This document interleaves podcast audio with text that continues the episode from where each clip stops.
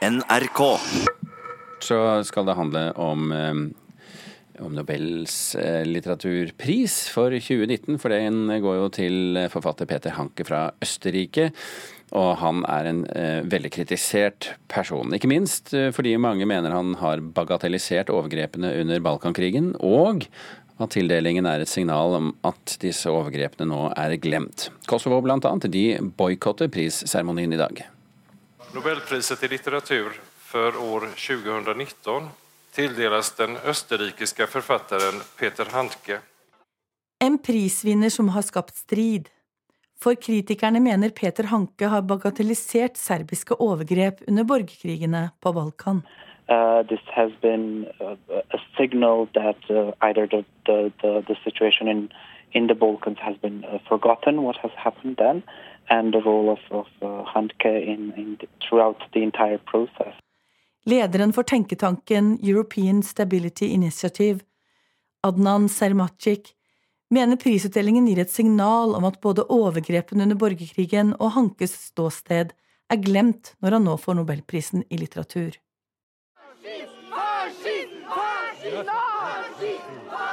Slik lød det da Peter Hanke kom til Nationaltheatret i Oslo i 2014, da han hadde fått Ibsenprisen.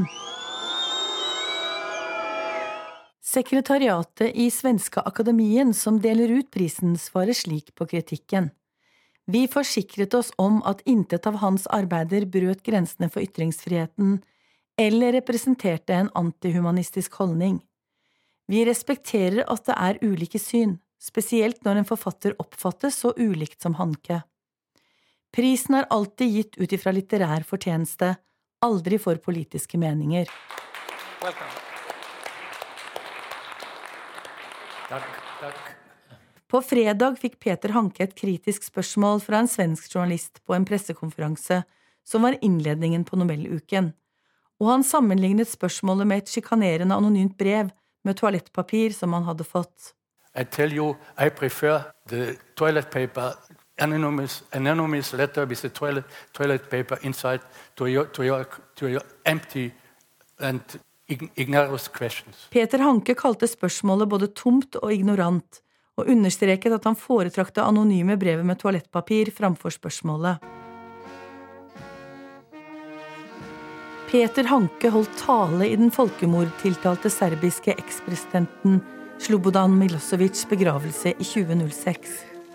Lederen for tenketanken forteller også om reaksjoner på tildelingen, som at Kosovo skal boikotte seremonien. Uh, Kosovo institutions, for example, who have rejected to take part, who are basically, uh, uh basically uh, boycotting the entire event. Reportere her det var Marianne Rustad Karlsen og Maiken eh, Svendsen. Europakorrespondent for NRK Roger Sebrin eh, Bruland. Vi hører også at Peter Hanke er svært kontroversiell. Men hvorfor er reaksjonene på Balkan så sterke når han nå skal motta nobelprisen i litteratur? Ja, Vi ser jo litt uh, disse her gamle frontlinjene fra krigen på 90-tallet. Og vi ser jo de landene som boikotter. Det er jo Albania, Kosovo, ja, Kroatia, eh, Tyrkia. Eh, så det ser ut som at det har blitt veldig politisert. Og det handler jo om at eh, en bringer jo tilbake alle disse vonde minner fra den brutale krigen på 90-tallet. En blir påminnet om hvordan Hanke hadde ei rolle for den serbiske sida, nesten som en propagandist, der han var veldig Eh, nær eh, Slobodan Milosevic. Eh, jeg ser på Twitter det har blitt republisert bilde av han sammen med Mladic. Og det er mange som har mista noen i den krigen, som, som da ytrer at de syns dette her er, er, rett og slett uverdig da, Nobel.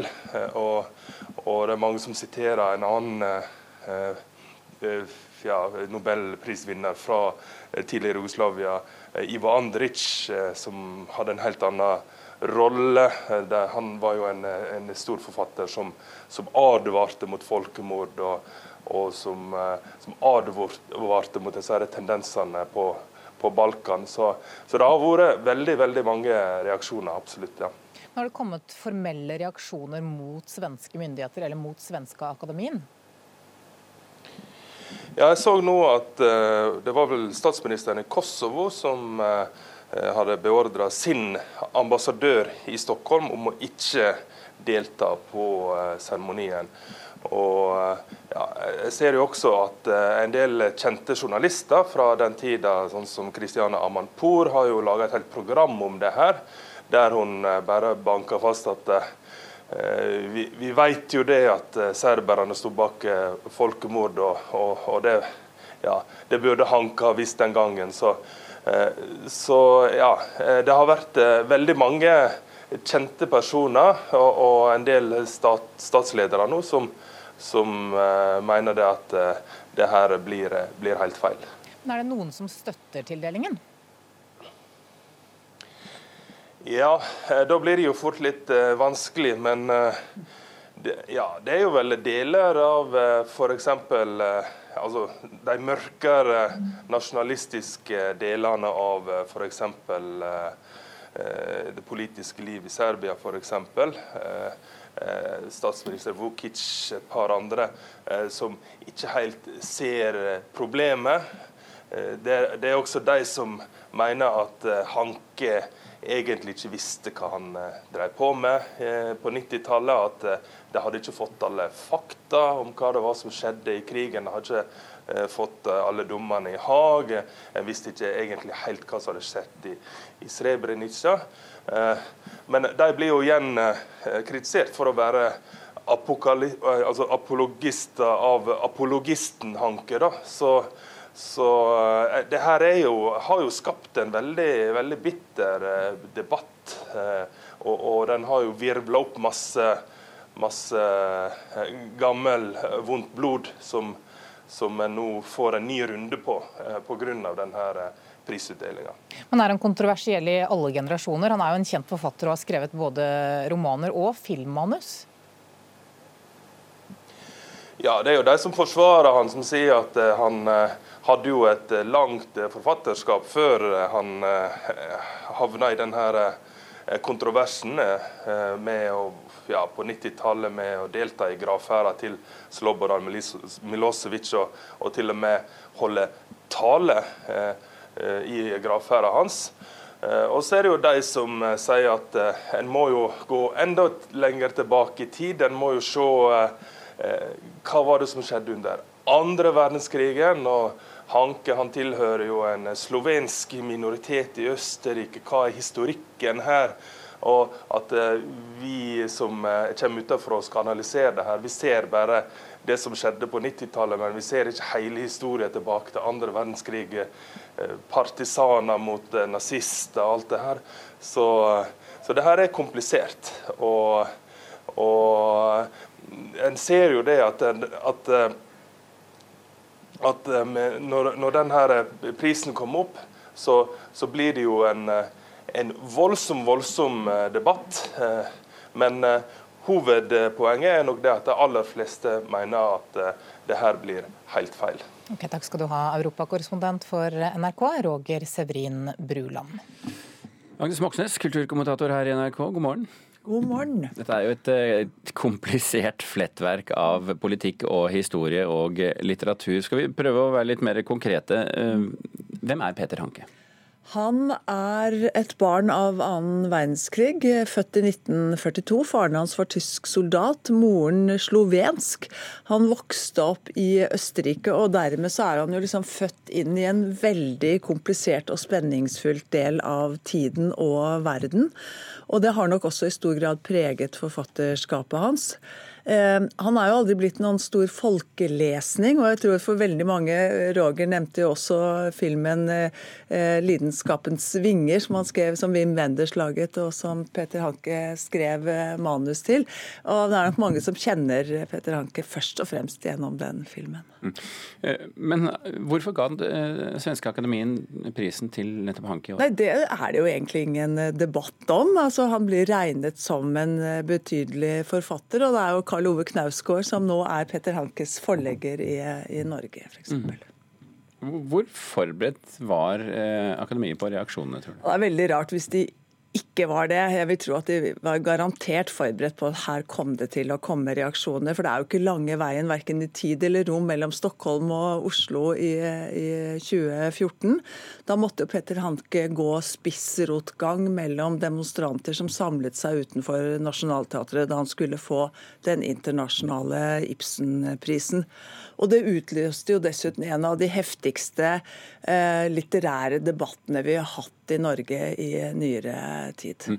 Og, og Knausgård, du nevner han, han er jo en av de som mener at man må skille litteraturen fra historien her, altså mm. og se det isolert sett. Um, lar det seg gjøre, egentlig? Jeg var på Litteraturhuset i Oslo i går kveld og hørte høvdingene Dag Solstad og Håkon Bleken eh, snakke bl.a. om dette her. Og, og, de var skjønt enige, de to, seg imellom, om at, man, at verket står eh, i seg selv. Altså, det kan leses i seg selv, kan det ikke. Må ikke trekke inn et forfatterskap eller en forfatter inn i det. Men Peter Hanke er jo et veldig godt eksempel på hvor vanskelig det er å ha, være prinsipiell på den holdningen der. Det er altså 60 000 mennesker som nå har skrevet under et opprop som kommer til å bli delt ut når Peter Hanke får Nobels litteraturpris i Stockholm i dag. Og for dem så er Peter Hanke en politisk forfatter. Ehm, han er en eh, forfatter som, hvor politikken og hans synspunkter er vevd inn i det han har skrevet. Og de vil nok også mene at han har brukt sin posisjon til å fornekte folkemordet i Srebrenica, der bortimot 8000 gutter og menn ble drept. Og så må vi si to ord også om Svenskeakademien, for de var jo skandalisert. Eh, mhm. har vært det de siste årene, bl.a. på ja, av mange årsaker, egentlig. De delte jo ikke prisen ut i fjor. Mhm. I år deler de da ut to priser. Skal vi gå dit hen og si at eh, de gjør dette for å befeste sin posisjon? For å si det sånn, da. Det er ikke blitt lettere å være svenske akademien eh, nå.